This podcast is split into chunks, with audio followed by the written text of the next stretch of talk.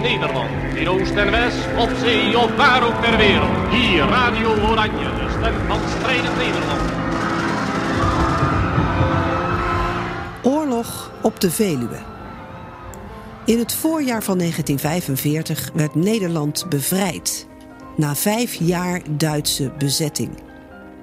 In dat halve decennium vonden veel ongedachte gebeurtenissen plaats, die van grote invloed waren op het dagelijks leven.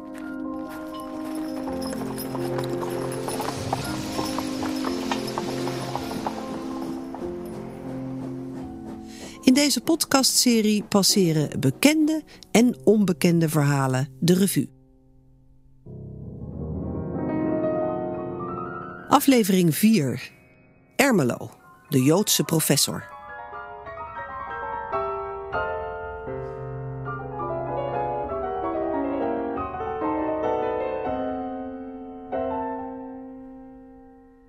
De zwart-wit foto van de hooggeleerde heer toont een vriendelijk gezicht met een grijze baard.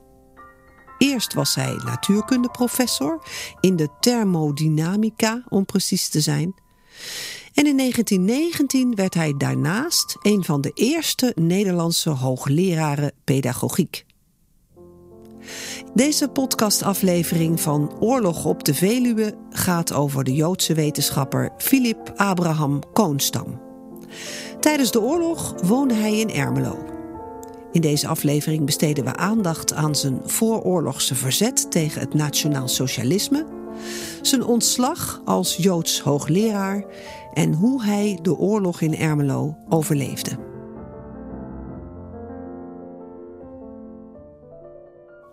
Kort geleden vertelde Herbert, die er zelf ook ingelopen was, fabelachtige staaltjes van een der hoogste ambtenaren van buitenlandse zaken in Berlijn over de gemakkelijkheid waarmee men het moreel volkomen uitgeputte en ontzenuwde Westen onder de voet zou lopen. Je ziet, mijn prognose is niet optimistisch. Althans, wat het oorlogsbegin betreft. Over de afloop denk ik anders. Al is het natuurlijk waar dat Gods wegen anders zijn dan de onze, dat zijn weg zou voeren langs een triomf van het wereldimperialisme, van het nieuw heidendom, kan ik nog niet geloven.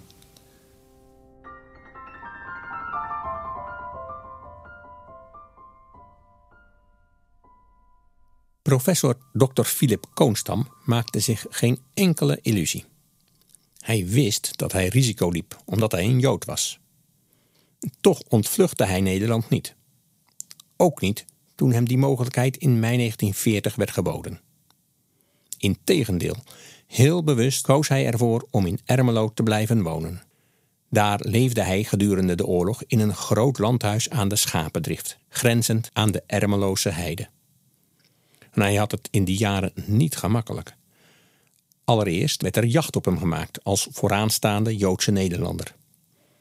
Daarnaast werd zijn zoon Max Koonstam, een jonge, pas afgestudeerde historicus, in 1942 gevangen gezet. Max zou tot het einde van de oorlog in diverse kampen verblijven. Van de gemeente Ermelo had Koonstam tot 1943 weinig te vrezen. Tot dat jaar had de gemeente namelijk een goede burgemeester. Dat was burgemeester Martens. Maar die burgemeester kreeg in 1943 zijn ontslag omdat hij weigerde zijn Joodse burgers op transport te stellen.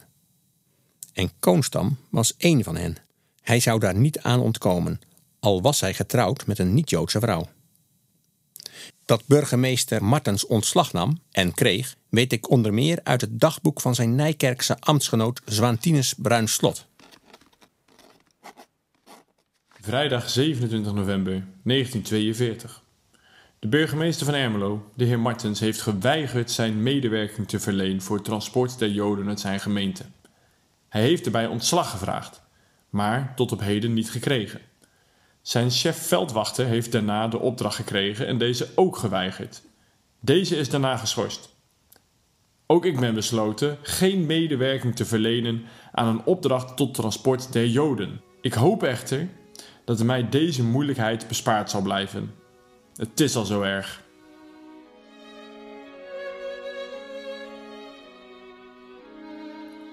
Zondag 14 februari 1943. Ik geloof wel vroeger reeds melding te hebben gemaakt van het feit dat Martens, burgemeester van Ermelo, heeft geweigerd de Joden te helpen opruimen. Aanvankelijk dachten wij dat hij niets verder zou horen. Maar ongeveer drie weken geleden op een vrijdagavond om 11 uur kreeg hij telefonisch mededeling van zijn ontslag. Verleden week zaterdag hebben wij hem een bezoek gebracht. Hij is, geloof ik, wanneer ze hem met rust laten, blij toe. Vol pensioen, dus ook financieel kan het. Maar hoe verliep het verder in Ermelo? Waren de bewoners van die volgzame keuterboertjes, zoals de Veluwe in meer traditionele randstedelijke geschiedschrijving wel is afgedaan? Om dat uit te zoeken ga ik langs bij Germa Greving. Zij is directrice van het Pakhuis, het plaatselijke museum van Ermelo. Germa, in wat voor dorp en plaatselijke omstandigheden woonde de Joodse professor Koonstam? Ja, nou Ermelo was een dorp als vele andere dorpen, zou ik bijna willen zeggen. Ehm, natuurlijk uh, was ook hier de oorlog wel te voelen, te merken. Ehm, ook hier kwam er op een gegeven moment schaarste van zuivel, van vlees. Uh, ook hier waren de voedselbonnen. Um, ja, en wat voor dorp was het? Uh, een dorp waar mensen wel naar elkaar omkeken, heb ik gemerkt. Er zijn verschillende verhalen over hoe families in nou ja, lastige situaties terechtkomen. Soms onverwacht, omdat ze gewoon op een verkeerde plek, uh, op een verkeerde moment zijn. Um, en ja, de, de vader des huis wordt dan bijvoorbeeld uh, opgepakt. Moeder blijft met vier kinderen achter. De hongerwinter komt eraan. Wat doe je? Het wordt koud. Je hebt geen eten, geen loon meer. Gelukkig besluit dan de werkgever om het loon gewoon door te betalen. En pakken de buren samen de steun, de zorg op eigenlijk voor het gezin.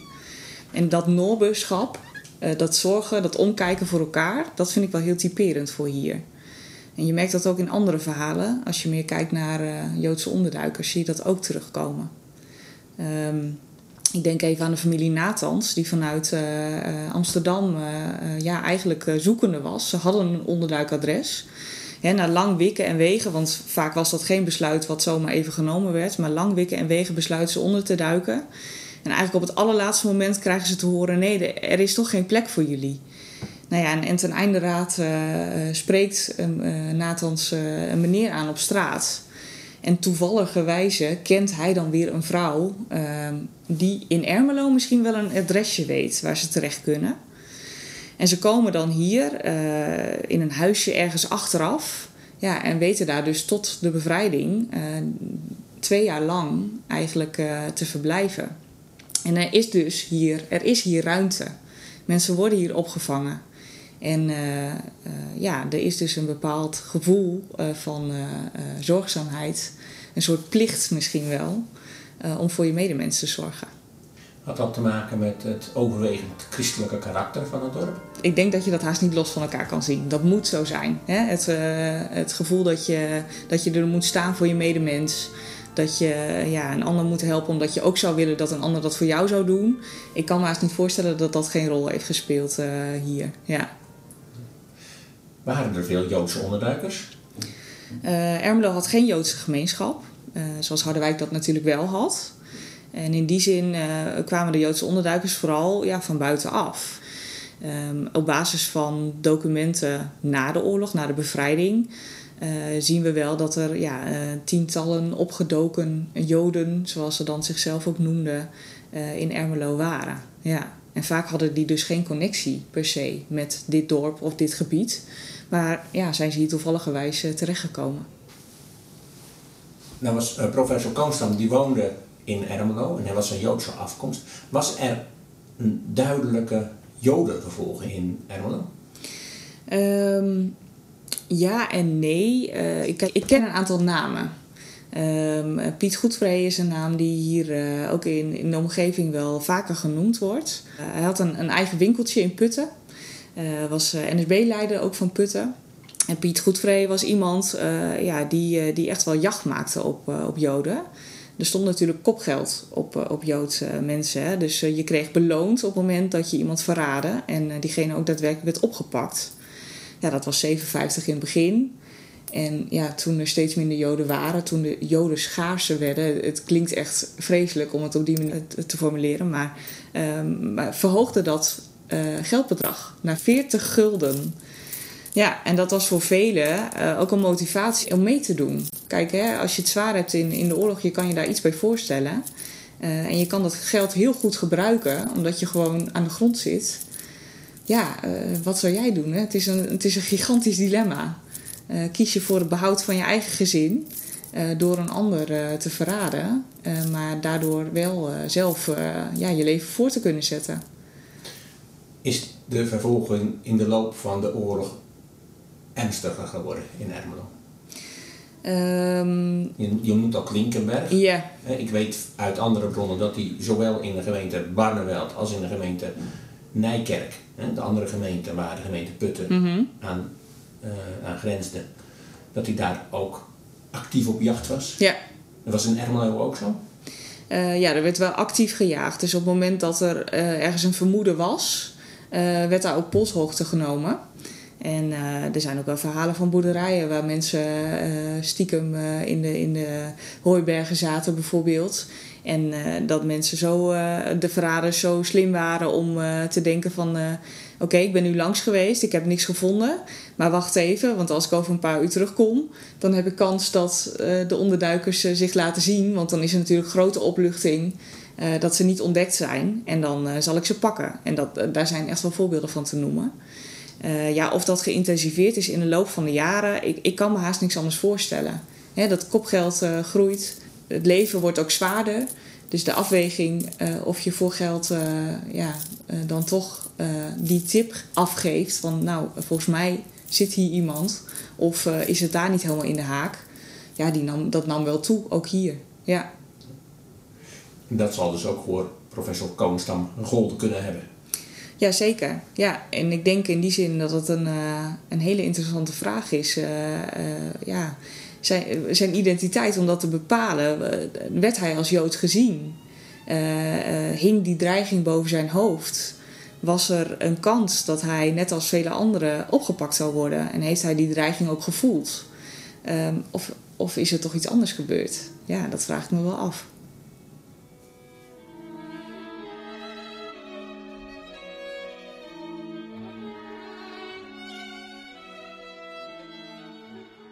Ja, op die vraag hoop ook ik in deze podcast in ieder geval een begin van een antwoord te krijgen. Professor Koonstam woonde dus in dit dorp. Pedagogisch historicus Dr. John Exalto van de Vrije Universiteit werkt aan een biografie van Philip Koonstam. Koonstam, wie was dat? Een Duitser? Een Joodse Nederlander? Een christen ook? En hoe verhielden die aspecten zich tot elkaar? Ik ben bij John op bezoek gegaan in Apeldoorn en ik heb hem maar gewoon gevraagd naar die koonstam. Wie was deze man?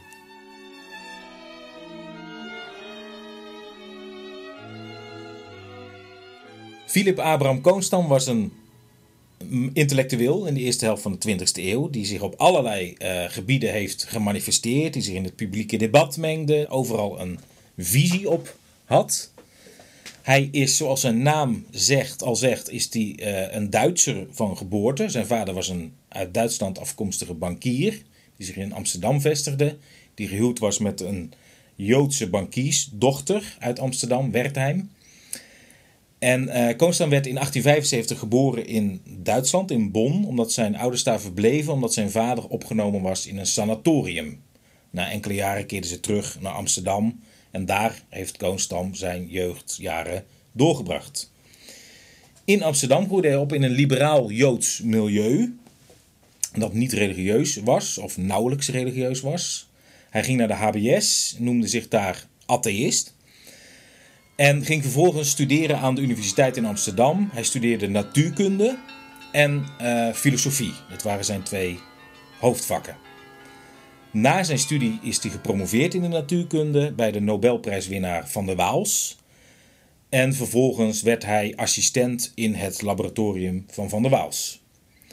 Maar in de loop van zijn uh, professionele loopbaan ontwikkelde Koonstam steeds meer interesse in de filosofie, in het vakgebied van de filosofie.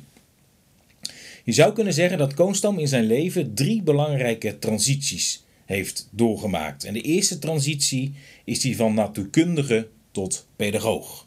En die interesse in filosofie heeft daar een sleutelrol in gespeeld.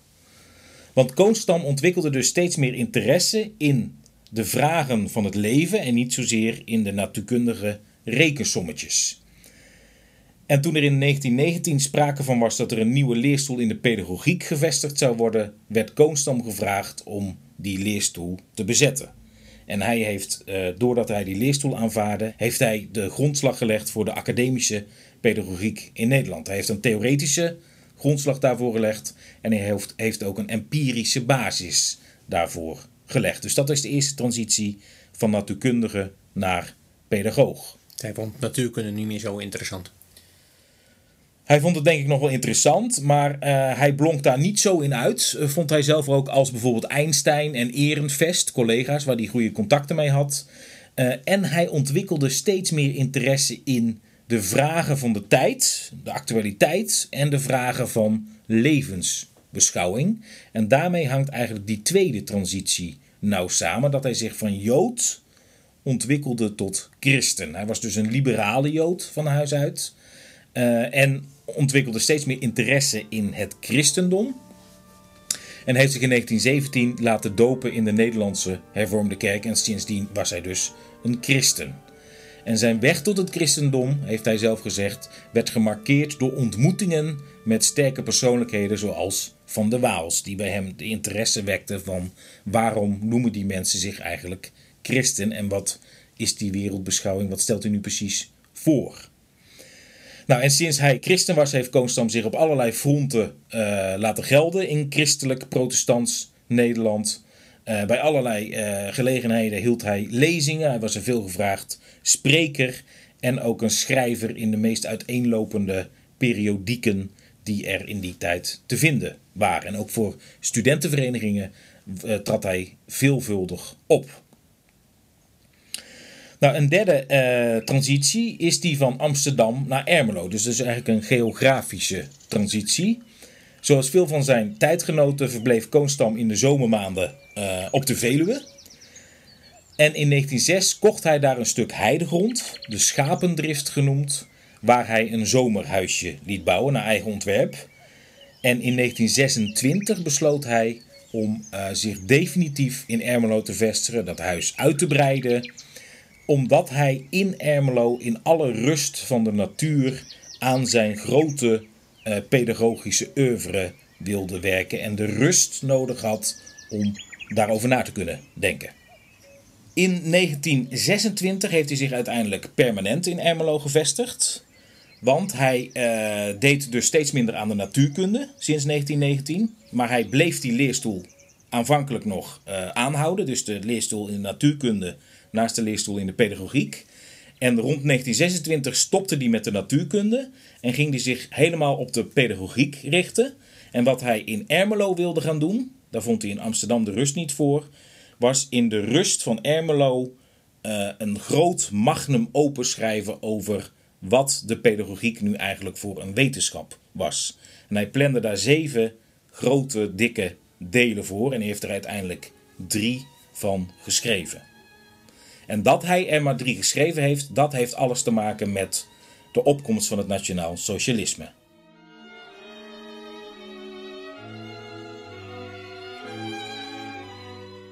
Aan de vooravond van de oorlog was Philip Koonstam uitgesproken anti-Duits. Dat blijkt onder andere uit de briefwisseling die hij in 1938 en 1939 had met zijn zoon Max. In 2001 verscheen een boekje met daarin een paar van die brieven die vader en zoon elkaar hadden gestuurd. Max was in die tijd namelijk op studiereis in Amerika. Die briefwisseling maakte na al die jaren de nodige indruk. Bijvoorbeeld op de bekende journalist Jerome Heldering. En dat gold vooral de scherpe analyse die vader en zoon Koonstam al voor de oorlog maakten van de aard van Nazi-Duitsland. Met schaamte, zo erkende Heldering, moest hij constateren dat zijn houding tegenover Duitsland te zorgeloos was geweest. Hij was tenslotte een leeftijdgenoot van Max Koonstam. Heldering schreef omdat, en ik zeg het niet met trots, in het milieu waar ik die tijd grotendeels doorbracht, de stemming heel anders was. In het studentenkoor waar ik toen lid van was, heerste, ik heb het al eens eerder geschreven, een zorgeloosheid die we achteraf rustig onverantwoordelijk kunnen noemen. De kritische kijk van Max Koonstam op Hitler-Duitsland kwam niet uit de lucht vallen. Dat had alles te maken met het gezin waaruit hij stamde. Nogmaals heldering. Vader Koonstam was actief lid van de Vrijzinnig Democratische Bond. En na de oorlog zou hij naar de PvdA overgaan. Er werd dus aan tafel zelden over koetjes en kalfjes gepraat, zei Max. Tel daarbij op dat vader Koonstam in Duitsland geboren was, als zoon van Joodse ouders, maar in Nederland opgegroeid en lid van de hervormde kerk geworden. En Max' felle partijkiezen al voor 10 mei 1940 wordt extra verklaarbaar. Heldering had het bij het rechte eind. En dat blijkt uit de brieven van vader Philip. In een brief van 19 maart 1939 schrijft hij aan Max in Amerika: De democratische landen zijn geestelijk niet gemobiliseerd. De dictatuur ontleent haar kracht eraan dat ze alle morele, fatsoens- en gewetensoverwegingen kan uitschakelen. En de hoop opnieuw een pokeroverwinning te behalen lijkt me vrijwel uitgesloten. Terug kan Hitler echter niet. Hij zal ook niet menen dat hij hoeft, want hij heeft nooit iets begrepen van de toegevendheid in Engeland tegenover zijn vroegere daden. Kort geleden vertelde Herbert, die er zelf ook ingelopen was, fabelachtige staaltjes van een der hoogste ambtenaren van buitenlandse zaken in Berlijn over de gemakkelijkheid waarmee men het moreel volkomen uitgeputte en ontzenuwde Westen onder de voet zou lopen. Je ziet, mijn prognose is niet optimistisch. Althans, wat het oorlogsbegin betreft. Over de afloop denk ik anders. Al is het natuurlijk waar dat Gods wegen anders zijn dan de onze, dat zijn weg zou voeren langs een triomf van het wereldimperialisme, van het nieuw heidendom, kan ik nog niet geloven. Maar het heeft geen nut daarover gissingen op te zetten. Een maand later, op 2 april 1939, was Philip iets optimistischer. Tegelijk stelde hij dat oorlog nog steeds niet uitgesloten was. Wat bleef was de dreiging van het nationaalsocialisme, de ideologie van Nazi-Duitsland.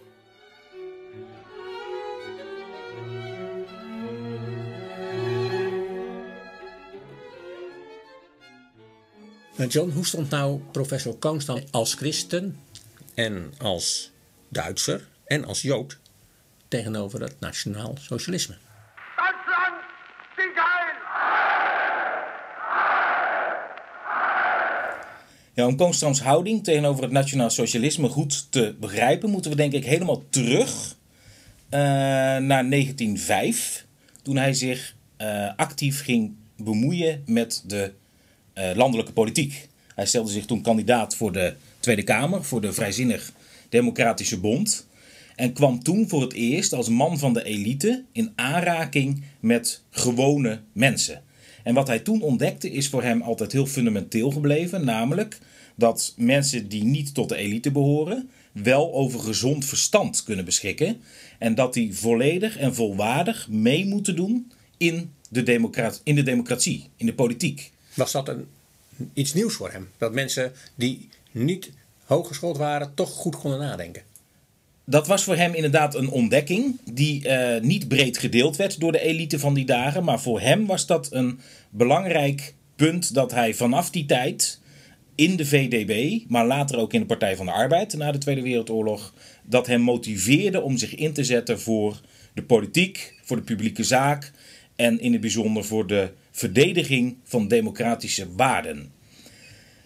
Dat is dus een belangrijk punt voor Koonstam dat hij steeds heeft vastgehouden en dat hem denk ik ook een scherp oog uh, heeft gegeven voor, de, uh, voor het karakter van het nationaal socialisme.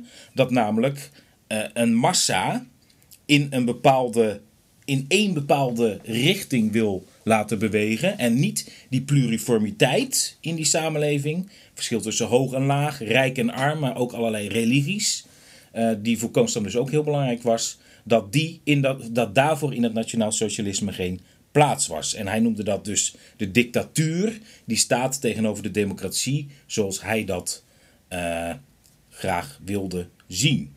Nou, die maatschappelijke politieke betrokkenheid van Koonstam, die kreeg na de Eerste Wereldoorlog kreeg die een nieuwe impuls toen hij zich uh, bezig ging houden met het zogenaamde Herstelcomité Europa, dat er alles aan deed om na dus de Eerste Wereldoorlog, om de gespannen verhouding tussen de Europese naties, in het bijzonder Duitsland en Frankrijk, om die gespannen verhouding te, uh, in ieder geval te zorgen dat dat niet escaleerde en tot een nieuwe oorlog zou leiden. Hij reisde Europa rond, langs allerlei regeringen, om de vrede in Europa te bewaren. In diezelfde tijd werd hij ook actief in de Wereldbond van Kerken.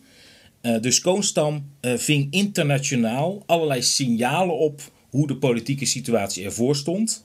Uh, en had dus, om die internationale connectie, had hij een scherp oog voor het nationaal socialisme. Wegens zijn eigen politieke ideeën had hij daar ook een scherp oog voor. En bovendien was hij een filosoof die de zogenaamde persoonlijkheidspedagogiek heeft geïntroduceerd. En dat komt er eigenlijk heel simpel gezegd op neer dat in de pedagogiek, maar eigenlijk in alle domeinen van het leven, moet niet uh, de massa of uh, de overheid of uh, een instituut de doorslag geven, maar het, de persoon en zijn geweten, dat is uiteindelijk de diepste waarde van dit bestaan. en op die basis wil de Koonstam de pedagogiek vormgeven en de samenleving vormgeven. En dat stond natuurlijk op zeer gespannen verhouding met wat het nationaal socialisme wilde, namelijk massa, uh, oorlog uh, enzovoort. Uh, wat ook van belang is om te noemen, is dat in 1926 had Koonstam zich definitief in Ermelo gevestigd. Met de bedoeling om zijn grote serie boeken over zijn filosofie en zijn pedagogiek te schrijven. Maar begin jaren 30 uh, stopte hij met die grote theoretische boeken, omdat hij vond dat in die tijd al, uh, toen hij dus de opkomst zag van het nationaal socialisme, dat hij niet verder kon met het schrijven van theoretische boeken over de naaste, of de mensheid in wording, of de schoonheid Gods, zoals de titels van die boeken hadden moeten luiden. Uh, omdat in een wereld die aan haat en verachting ten onder leek te gaan, voor hem iets, een hele andere roeping gold. Namelijk om zich sterk te maken voor de democratie, de dictatuur te bestrijden uh, en daar zijn uh, aandacht op te richten. En dat leidde ertoe dat hij in 1936 de eerste brochure schreef voor het Comité van Waakzaamheid van anti-nationaal-socialistische intellectuelen een illustre gezelschap van geleerden in Nederland, zoals Menno ter Braak, H.J. Pors en anderen, die al in een heel vroeg stadium het gevaar van het nationaal socialisme doorzagen en daar stelling tegen namen. En voor Koonstam was dus, nogmaals, was dus dat nationaal socialisme een gevaar, omdat daarin de persoonlijkheid en het individu ten diepste ondergeschikt was aan de massa en dat daarin ook e- het ene ras boven het andere ras stond. Die Völker werden in kurzer Zeit erkennen, dass das nationalsozialistische Deutschland keine Feindschaft mit anderen Völkern will. Ich will heute wieder ein Prophet sein. Wenn es dem internationalen Finanzjudentum in und außerhalb Europas gelingen sollte, die Völker noch einmal in einen Weltkrieg zu stürzen, dann wird das Ergebnis nicht die Bolschewisierung der Erde und damit der Sieg des Judentums sein, sondern die Vernichtung der jüdischen Rasse in Europa. En dat heeft hem dus geraakt als christen, maar ook als jood, eh, als filosoof en als politicus. Dus zijn hele levensgang heeft ertoe geleid dat hij al in een heel vroeg stadium um, stelling nam tegen de ideeën van het nationaal socialisme. Ook als Duitser? Nou, hij was geen Duitser meer. Hij had zich laten naturaliseren in een, eh, voor de Tweede Wereldoorlog al tot Nederlander. Maar hij kende wel heel veel Duitsers. Hij had familie wonen. Zijn schoonzoon kwam er vandaan.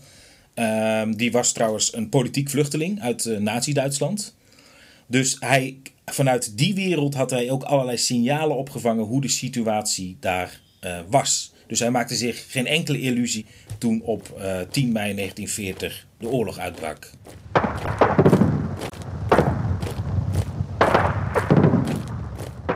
Koonstam maakte zich dus geen enkele illusie. ehm, en vertrok ook kort voor het uitbreken van de Tweede Wereldoorlog naar Amsterdam. Want hij dacht, achter de eh, Hollandse waterlinie ben ik veiliger dan in Ermelo. En huurde daar een flat eh, tegenover de flat waar zijn twee zusters in Amsterdam woonden. Want hij had er één zuster, eh, Betty Stokvis, dat was een weduwe. Die woonde in Amsterdam, zij was Joods.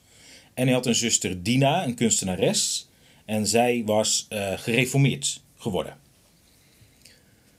Maar de Hollandse waterlinie bleek in de oorlogsdagen geen eh, grote betekenis te hebben. En na de capitulatie ging Koonstam terug naar Ermelo. Hij kreeg nog het aanbod van zijn zwager, Dolf Kessler, om eh, in de meidagen met een boot naar Engeland te vluchten via IJmuiden. Maar dat aanbod sloeg hij af, want hij zei: Mijn roeping is hier in Nederland. Dus hij wist eh, de gevaren van het nationaal socialisme. Hij wist ook dat het hem persoonlijk zou gaan raken als Jood. Maar hij koos er toch voor om in Nederland te blijven.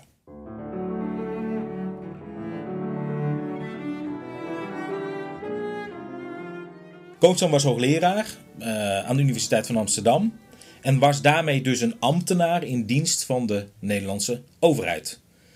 En de Duitsers gingen alle Joodse ambtenaren gingen zij ontslaan. Koonstam was daarvan op de hoogte.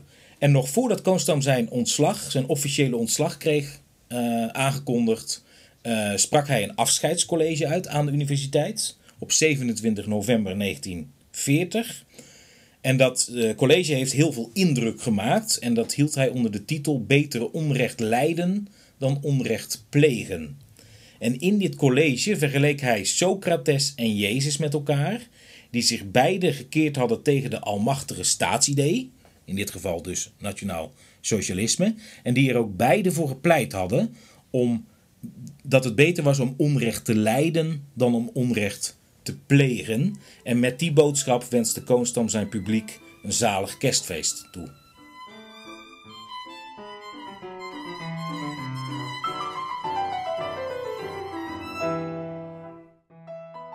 Deze indrukwekkende lezing verscheen begin 1952 voor het eerst in druk.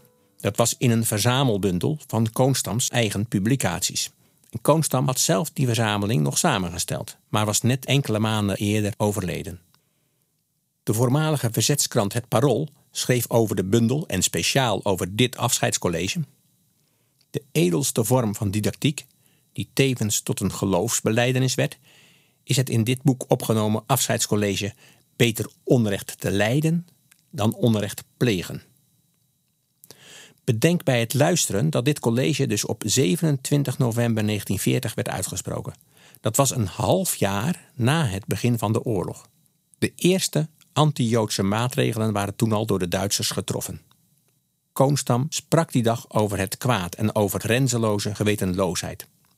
Over het valse kruis, het hakenkruis, zonder dat hij dat of de Duitsers expliciet noemde.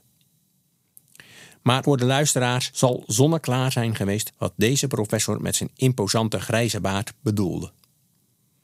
De citaten die ik laat horen komen uit dit afscheidscollege.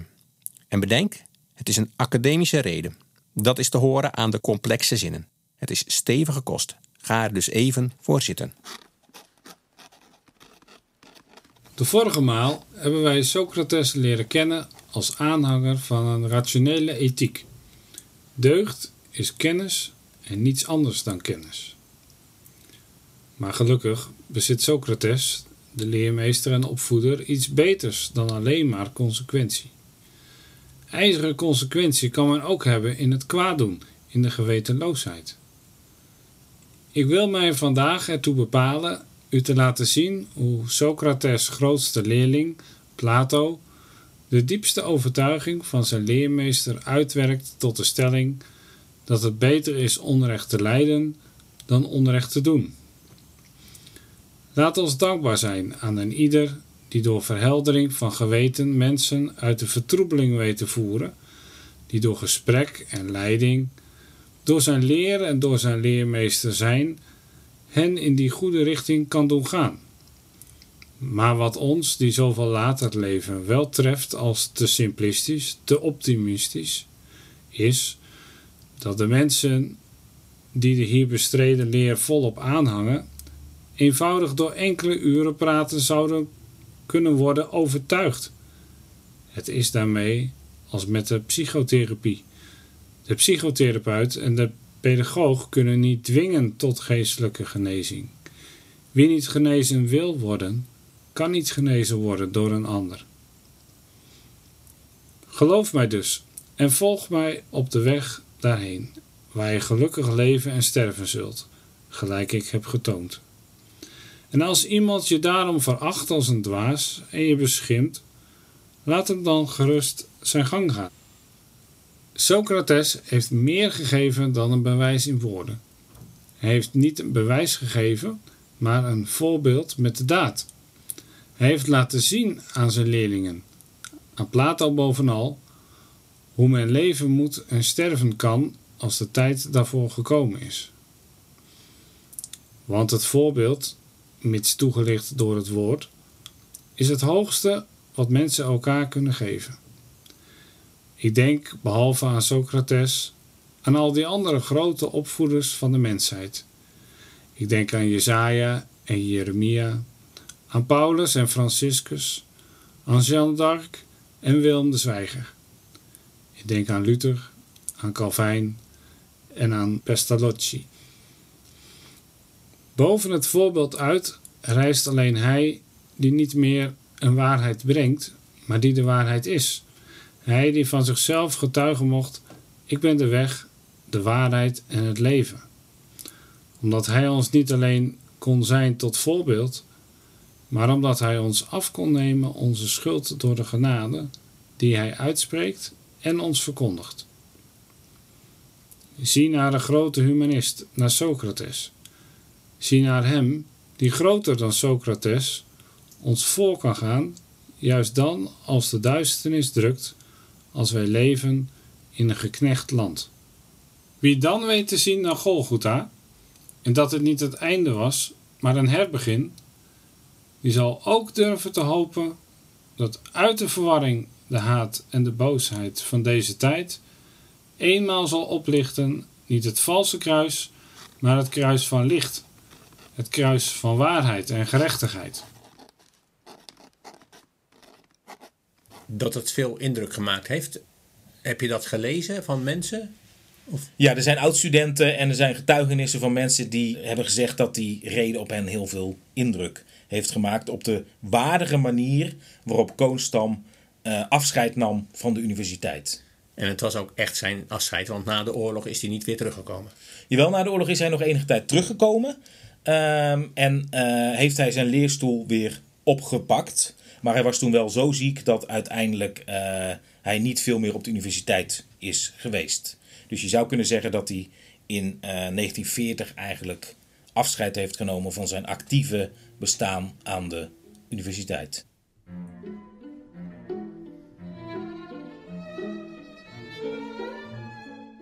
Nou, die oorlog heeft op de Koonstams een enorme impact gehad. De beide zusters zijn uh, opgepakt en in Auschwitz om het leven gekomen. Daar is later, na de oorlog, eigenlijk niet meer over gesproken, omdat zo'n enorme impact op die familie heeft gehad dat ze daar geen woorden voor konden vinden. En in de oorlog heeft zoon Max Koonstam, uh, die was de voorzitter van een studentenkoor, die is opgepakt omdat hij te vaderlandslievend was. Hij is in kamp Amersfoort, heeft hij twee maanden gezeten. En later is hij gijzelaar geworden, politiek gijzelaar in kamp Haren. Dus dat heeft een enorme impact op die familie gehad. Een enorme onzekerheid of die zoon wel in leven zou blijven. Koonstam zelf heeft in Ermelo de oorlog uh, grotendeels doorgebracht. We weten daar niet uit eerste hand eigenlijk niets over. We weten wel dat Koonstam in zijn eigen huis en ook achter zijn eigen huis uh, zo nu en dan ondergedoken heeft gezeten. En dat als er groot gevaar dreigde, hij dan uh, verder op de Veluwe in Nunspeet schijnt hij ook nog enige tijd ondergedoken te hebben gezeten. En dan waren ook tussen Ermelo en Harderwijk eendenkooien waar hij ook verbleven zou hebben. Dat hij de oorlog heeft kunnen overleven is een wonder te noemen, denk ik. Want Ermelo was uh, bepaald geen veilige of rustige plek. Uh, en voor Koonstam al helemaal niet, want hij woonde in een landhuis aan de Harderwijkerweg, de Rijkstraatweg, tussen Ermelo en Harderwijk. En aan diezelfde weg, uh, tussen het huis van Koonstam en het dorp Ermelo, zat de SD ook in een landhuis. Dus elke keer als Koonstam naar Ermelo moest, hij ging daar naar de kerk, uh, hij deed daar wel andere dingen. Hij ging soms nog met de trein als het uh, mogelijk was. Dan kwam hij dus langs de Duitsers. Hij droeg ook een Jodenster. Als Jood was hij dat verplicht.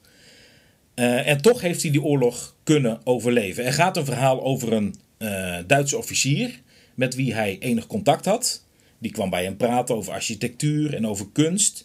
En die Duitse officier die zou Koonstam een aantal malen gewaarschuwd hebben als er een razzia dreigde. Eén keer zou die officier uh, zich s'morgens in alle vroegte gemeld hebben en samen met mevrouw Koonstam het matras van Koonstam gekeerd hebben. Zodat als de Duitsers kwamen ze dat een onbeslapen matras aan zouden treffen. En een andere maal zou hij gewaarschuwd zijn en toen heeft hij zich uh, tussen uh, de badkamer en de slaapkamer in een holle ruimte samen met zijn Duitse schoonzoon heeft hij zich daar verstopt. Nou, dat was een geel houten huis, dus het was, de, de kans op ontdekking was levensgroot aanwezig. En daarom hief de dochter Dina met de kleinkinderen, ging zo hard mogelijk kerstliedjes zingen.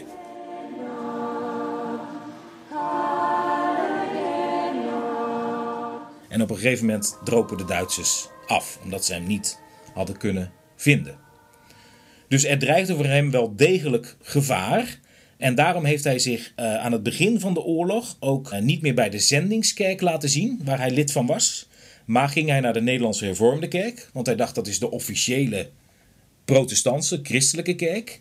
En daar ging hij op de eerste rij zitten met zijn jodenster, zodat hij zichtbaar was als een jood, maar wel een jood die christen was geworden. Dus wellicht heeft hem dat in de eerste maanden van de oorlog uh, voorkomen dat hij toen al werd opgepakt. Bovendien was hij dus christen geworden. Uh, hij was gehuwd met een niet-Joodse vrouw.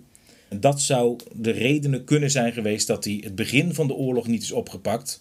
Maar dat hij later uh, heeft kunnen overleven, ja, dat is een, achteraf gezien is dat bijzonder. In Ermelo kwam na vertrek van de goede burgemeester Martens in 1943 een NSB-burgemeester aan het roer te staan. Dat maakte het er voor de Joodse onderduikers en hun helpers uiteraard niet veiliger op. De vraag is of de bejaarde Philip Koonstam als bekende Ermeloer expliciet doelwit was van bijvoorbeeld razzia's.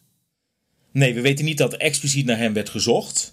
Uh, maar hij was wel een opmerkelijke verschijning in dat dorp Ermelo. En we weten ook dat er uh, door uh, bijvoorbeeld de burgemeester van Putten, Klinkenberg, dat door hem heel actief op Joden werd gejaagd. En dat er ook tientallen ondergedoken Joden in Ermelo door toedoen van die Klinkenberg en andere Jodenjagers zijn opgepakt. En zij zullen vast geweten hebben dat Koonstam woonde waar hij woonde.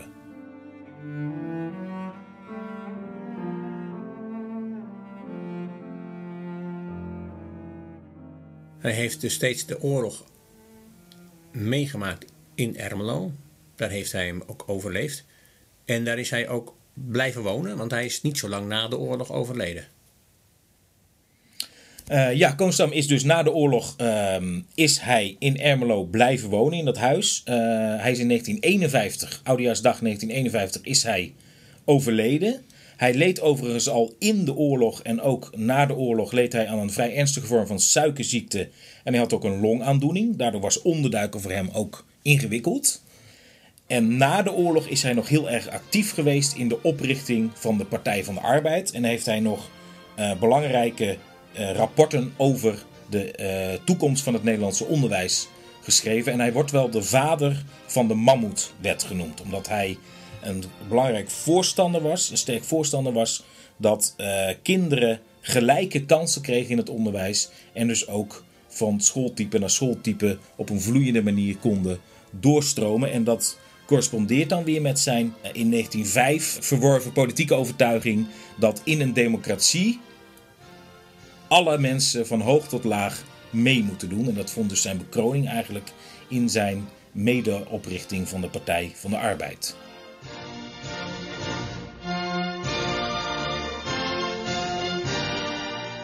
Even voor mij, de Mammoetwet was een herstructurering van het onderwijssysteem uit 1963, meen ik.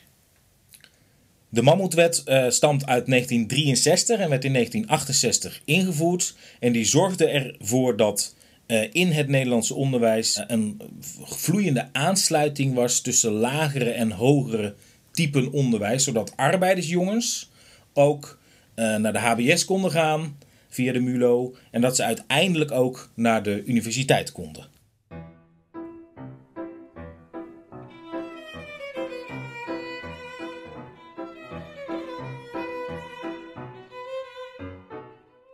Koonstam is na de oorlog in Ermelo blijven wonen. Hij was tenslotte niet meer echt actief als hoogleraar en heeft dan ook zijn laatste levensjaren aan de schapenrif doorgebracht. Hij overleed in 1951 op oudjaarsdag. Ik heb een kopie van een overlijdingsbericht van hem.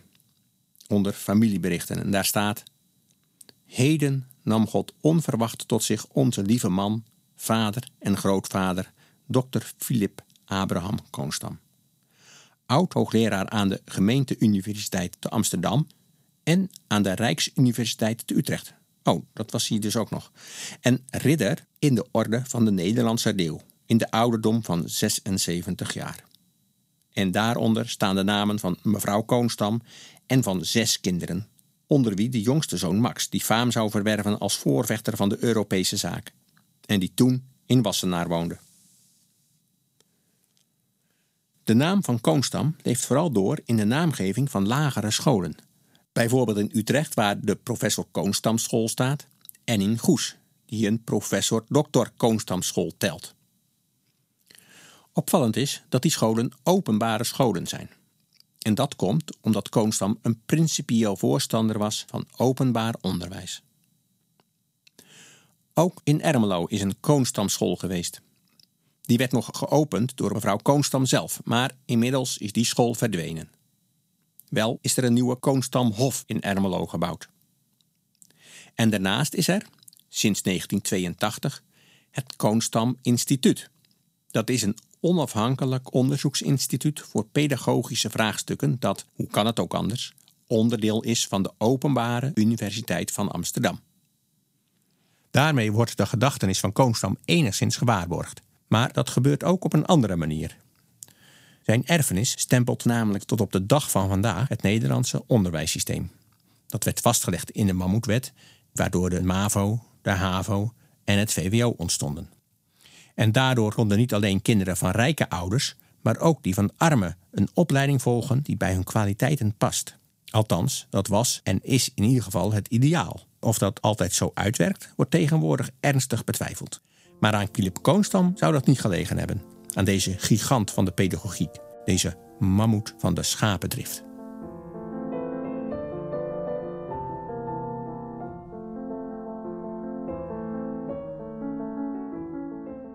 Dit was een aflevering van de podcastserie Oorlog op de Veluwe. De muziek die u hoorde kwam uit de strijkkwartet van de Joodse componist Daniel Belifante, op 27 januari 1945 vermoord in het concentratiekamp Fürstengrube. Dat was een werkkamp van vernietigingskamp Auschwitz. Daarnaast hoorde u stukken uit de Prelude voor piano opus 1 nummer 1 uit 1940 van Misha Hillesum. Misha Hillesum kwam om door ontbering tijdens dwangarbeid in Warschau in de winter van 1944. Verder hoorde u uit de sonate voor cello en piano in D groot opus 9 van de componist James Simon, in Auschwitz vermoord in 1944 en van de Joodse componist Andries de Rosa stukken uit de Rhapsodie Orientale. Andries de Rosa werd in Sobibor vermoord op 30 april 1943. De muziek werd gebruikt met vriendelijke toestemming van de Leo Smit Stichting te Amsterdam, kenniscentrum over componisten die tijdens de Tweede Wereldoorlog vervolgd zijn. De serie is gemaakt in opdracht van de Bibliotheken Gemeente Nijkerk door Anton van Rensen van Historytelling, bureau voor crossmediale geschiedenisproducties uit Nijkerk, in samenwerking met Piet Nelemans Producties uit Veenendaal. Aan deze aflevering werkte mee Dr. John Exalto van de Vrije Universiteit Amsterdam, Germa Greving van Museum het Pakhuis, Gepco Haan als burgemeester Bruinslot en Kees Eveleens als professor Koonstam. Deze aflevering kwam tot stand met steun van de gemeente Ermelo en het Mondriaan Fonds, het publieke stimuleringsfonds voor beeldende kunst en cultureel erfgoed.